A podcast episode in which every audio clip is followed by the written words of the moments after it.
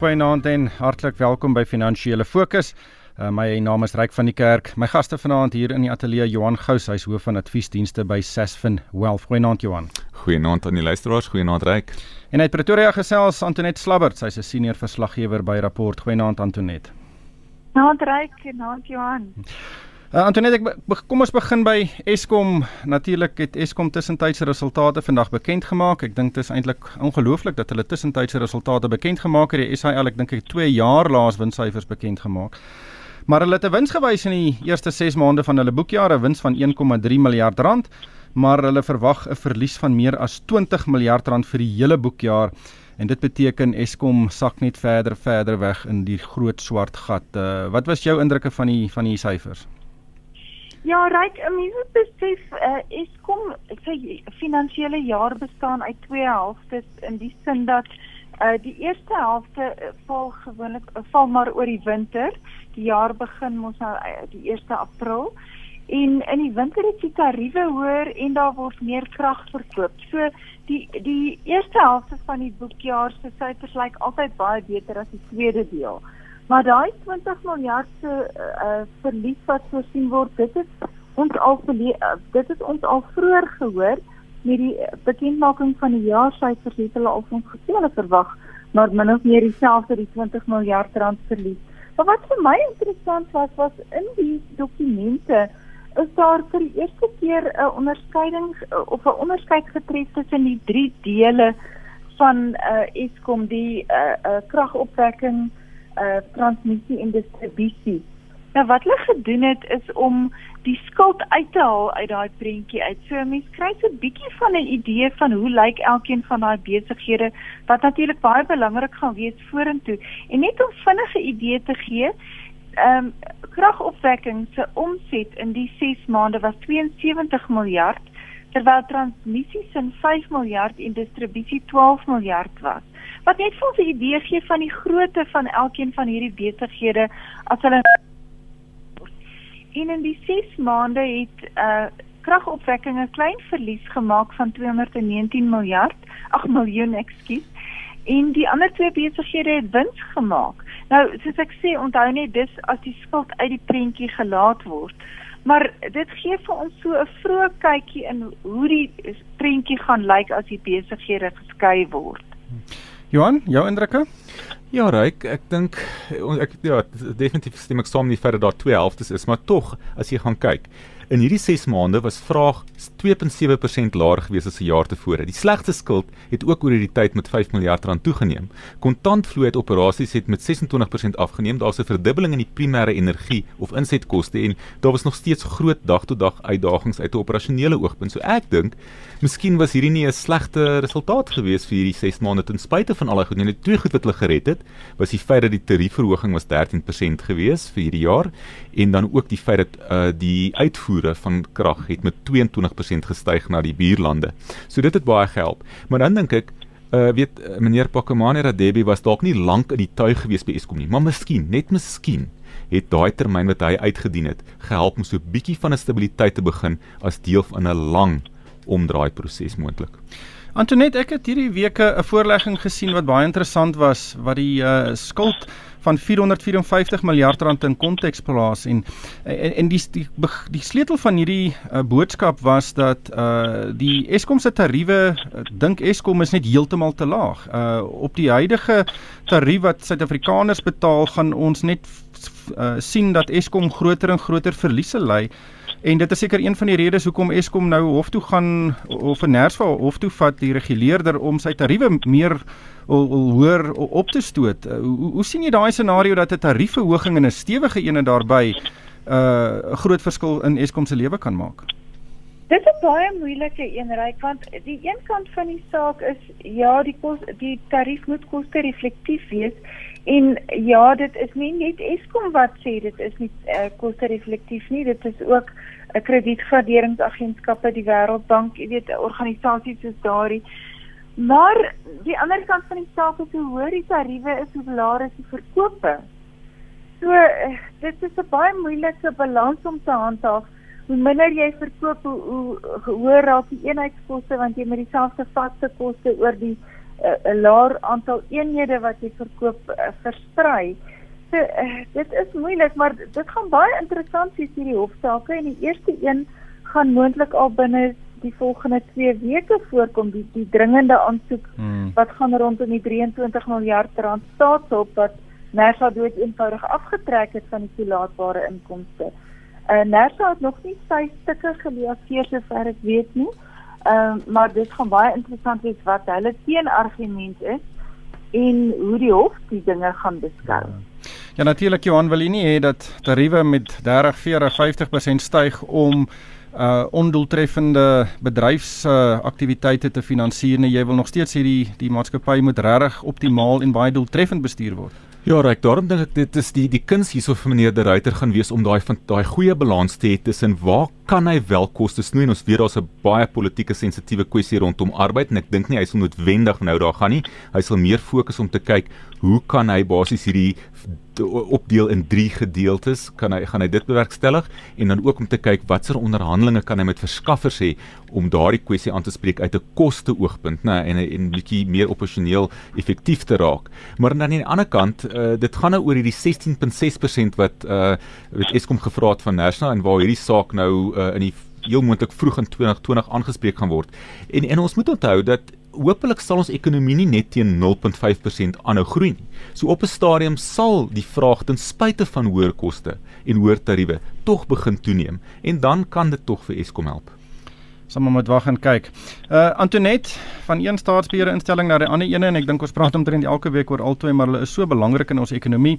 Dis die Suid-Afrikaanse lugdiens. Hulle dan so met uh hakke en stote het hulle hulle salarisse betaal en uh maar nou het ons hierdie week gehoor dat reisagentskappe wil nie meer SAL kaartjies verkoop nie want die versekeraars uh van daardie kaartjies teen die insolventie van die lugdiens wil nie meer daardie kaartjies verseker nie. So en en terwyl SAL naastiglik soek na 2 miljard rand om sy bedryfskoste te kan betaal, lyk dit regtig nie goed nie en hulle het ook vanmôre 'n persverklaring uitgereik. Wat wat behels dit?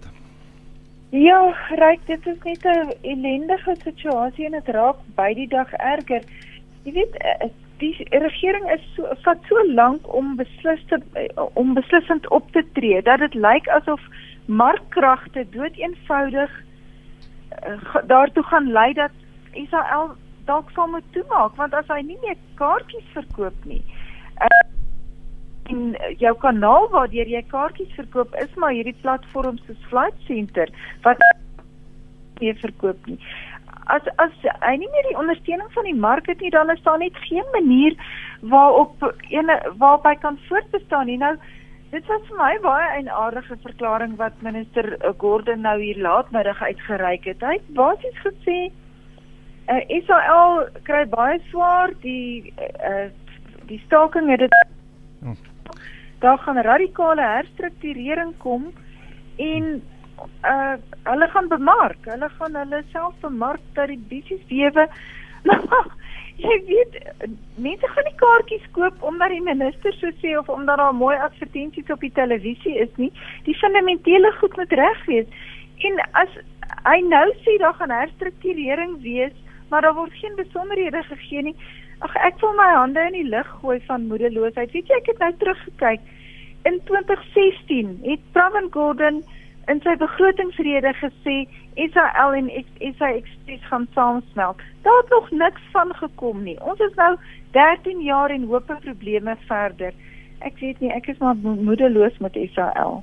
Johan, kyk kyk die die verskil tussen Israel en Eskom is. Eskom is te groot om te val. Israel is ongelukkig nie groot genoeg om te val nie. En wat Eskom gedoen het, Dit het nou eintlik veroorsaak dat Israel nou 'n groot leksheid geword het wat die regering nie weer eens noodwendig kan help nie. So jou opsies is uh, ons het gesien solidariteit vra vir 'n besigheidsredding. Nou dit is nie moontlik as daar nie nog waarborge die, waarborge deur die regering gegee gaan word nie. Kyk ons na hulle kwadasie situasie gaan Israel in elk geval 'n klomp geld onmiddellik, ek dink hulle praat van 40 miljard rand op die tafel moet sit om seker van hulle verpligtinge na te kom rondom verhuuringsooreenkomste ensovoorts en die regering gaan ook dan van sy waarborge onmiddellik moet goed staan. So daar gaan weer eens 'n klomp druk op die fiskus kom. So ek dink die regte opsie hierso ryk is om hierdie staatsbeheerde lugvaartsektor behoorlik te hersien te kyk wat kan jy hou en wat moet jy nie hou nie as daar nog iets oor is wat jy wil hou. En uh, dan net te kyk hoe kan jy saamwerk met die private sektor. Ja. Antoinette, kom ons gesla, ges, gesels oor die oor Tonga wat Hewlett natuurlik uh, een van die maatskappye wat onder uh, regte uh rekeningkundige en finansiële ongeruimthede deurgeloop het en PwC het 'n uh, verslag oor die uh, forensiese verslag oor die probleme daar bekend gemaak hierdie week net eintlik die die kernpunte en dit blyk dat daar is grootskaalse finansiële ongeruimthede oopgevlek en uh, dat die voormalige hoof Pieter Stade en uh, omtrent 10 ander senior bestuurslede betrokke was en dat daar dalk kriminele vervolging kan kom. Wat uh, wat is jou indrukke van van daardie ontwikkelings? Ja, dit is baie interessant. Mense vra jouself af waar is die interne beheer? Waar is die interne auditeurs? Ehm um, jy mense moet verstaan dat so iets kan gebeur in so 'n groot maatskappy, maar dit gebeur soos wat dit by Steinhoff gebeur het en en ja, ten minste nou dat die die kaarte op die tafel is. Uh kan Tongaat julle die skade beperk en sy resultate bekend maak want hy het mos gesê hy moet sy vorige jaar se state her her um, uitreik en dan ook die uh, die laaste jaar se uitreik. So ehm um, ten minste gaan 'n mens dan daar 'n streep onder kan trek. Maar jy weet reik uh, by uh, Steinhoff en ook by Tonga Julius was daar nog hulle gekonkel lyk like dit vir my met eiendomswaardes en eiendomstransaksies. Ehm um, dit is belangrik by Tonga Julius Antoinette kan ek jou vra om jou Antoinette kan ek jou vra om net jou foon 'n bietjie verder van jou oor uh, weg te hou. Daar is 'n 'n piep wat deurkom. Is dit beter so? Ja, dankie. Uh, ja, uh, uh, dit uh, gaan onder andere oor wanneer inkomste erken word. Nou ons weet self met uh, eiendomstransaksies, jy weet, uh, dit vat maar 'n partykeer 'n rukkie voor daai koop regtig effektief is en jy kan sê ek het die geld in die sak en self dan kan daar nog baie keer goed verkeerd loop voor die registrasie deur en die geld werklik in jou bankrekening is en dit lyk asof van die erkenning van inkomste 'n bietjie voortydig gebeur het onder andere maar dan ja. sal ook blykbaar gekonkel met uh, van die verkoopsyfers in Zimbabwe ja gekonkel interessante woord. Ehm um, Johan ek sien jou kollega by Sasfin David Shapiro het getweet vandag. Hy het gesê die mislukking van auditeurs en die uh die uh nie uitvoerende direkteure uh dat hulle nie die bedrog raak gesien het nie het aandeelhouers 'n klomp geld gekos. Ek en dis die ding, jy weet, nou as jy kyk, gaan kyk na die verslag, van PwC dan sien dit dat ons weer praat van 'n kultuur van geen verantwoordelikheid neem, 'n tekort aan die bevraagtekening van die praktyke binne die besigheid en verskeie korporatiewe bestuur tekortkominge en dan is dit nou weer ongelukkig nou vraagtekens wat gelaat word oor die audit uh, professie. So ja, dit is hartseer. Dit is weer 'n bietjie van 'n stand-off effek ongelukkig. Ons uh, kla baie maklik dat daar te min gebeur in die regering. Ons het nou gesien Steinhoff, ons het gesien EOH, ons het nou gesien uh regiments, ons het gesien KPMG, ons sien nou Tongaat Hewlett. Het ons al iemand in 'n 'n oranje oorpak? Nee, en ek dink is die die die hoër grond wat die koöperatiewe sektor gehad het op hierdie stadium is besig om baie vinnig te verdwyn en ongelukkig begin die staat nou eweskielik relatief nie meer so sleg lyk nie. Ja. Antoinette, dit was Vrydag ook swart Vrydag. Natuurlik uh, gaan mense mal en hulle slaan vuis oor uh, oor toiletpapier en uh, oor tandepasta. Het, het jy uh, die winkels getrotseer Vrydag? Nee, ek het baie ver van die winkels af weggebly, so ek is glad nie een van die ideale ehm uh, tydkind van die uh, kleinhandelbedryf se bemarking nie. Maar dis interessant hoe ons nou die Amerikaanse uh, kleinhandel bonanzas navolg en uh, de, ek dink mense raak baie keer 'n bietjie die klip kwyt en nie uh, vra hulle self nie af of 'n ding regtig 'n uh, uh, winskopie is nie en, en of hulle dit regtig nodig het nie. Maar ons sal sien wanneer die syfers uitkom hoe waardevol die dag vir die kleinhandelbedryf was. Ja, Johan, ons het voor die program oor gesels. Wat is ja. die sakemodel vir die kleinhandelaars en uh, kos dit nie dalk vir hulle meer geld as wat dit andersins sou nie. Ja, ek ek dink is maar net van jou verkope wat teen Desember gehad het, het nou net in November gebeur en jou marges ongelukkig was dalk bietjie dunner geweest. Maar nog steeds geleentheid gewees vir die kleinhandelaars om van hulle voorraad ontslae te raak wat hulle nie noodwendig mee wil hê nie.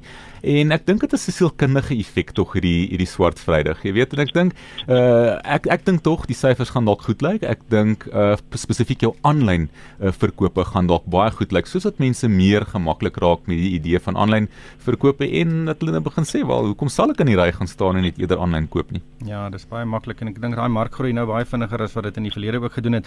Net laastens Johan, ehm um, Telkom het aangekondig hierdie week sal C het vir hulle nee gesê. Telkom wil natuurlik vir self C koop en uh dit lyk asof self C eerder saam met MTN wil werk. Uh wat het jy van uh van hierdie besluit van self C gedink? Ja, kyk, so dit laat self C nou oop om 'n samewerkingsooreenkoms met uh, MTN te oorweeg uh, en deel van hulle netwerk te gebruik en dan ook 'n herkapitaliseringsplan met die Buffett uh, groep uh, uh te beding wat wat 'n plaaslike beleggingsmaatskappy is. Nou 'n Telkom self C ooreenkoms sou meer kompetisie vir Vodacom en MTN geskep het. So vir my is dit jammer dat hierdie transaksie nie wel deurgaan nie. Uh Celsius se ook dalk heel moontlik sy 9 miljard rand skuld kon verminder. Maar en 'n mens wonder waar sou Celsius gewees het as hulle tog wel in 2017 saam met Telkom gegaan het toe hulle die eerste keer 'n aanbod gemaak het. En ek dink Telkom se mobiele eenheid is besig om so goed te, te doen met verdienste wat 57% gegroei het in die laaste 6 maande tot 30 September. So ek dink dit is 'n groot slag vir Telkom wat wil wegkom van sy vaste lynafhanklikheid waar dinge nou 'n bietjie moeiliker gaan en ek dink vir verbruikers oor die algemeen kon dit 'n beter uitkoms gewees het as daai twee saamgegaan het. En dan het Telkom as 'n voormalige staatsbeheerde instelling en net met 'n privaat sektor hulp in 'n baie baie doeltreffende maatskappy ontstaard. Ek weet daar's probleme en baie mense uh kla uh oor die maatskappy, maar soos mense maar kla oor alle maatskappye en dit is net wys dis net 'n gevalle studie van ja. wat eintlik moontlik is. Absoluut, dis ek kon net so hard hard sê dat ons nie kon gesien het wat die potensiaal uit hierdie twee kon hmm. wees nie. Antoinette, laastens jou gedagtes oor hierdie uh, ontwikkeling? Ja, ek sien saam met Johan. Ek sou daarvan gehou het as uh, Telkom en selfs hier maar uh jy weet kon saamsmelt of of uh saamwerk sodat daar meer kompetisie kon wees. Uh, dit is vir my interessant hoe in so 'n gereguleerde omgewing die ouens wat vroeg die eerste lisensies kry het, maar net 'n sterk posisie uh, verder aan en die laatkommers uh, kan baie moeilik onthaar afmaak in so 'n mark. Hmm.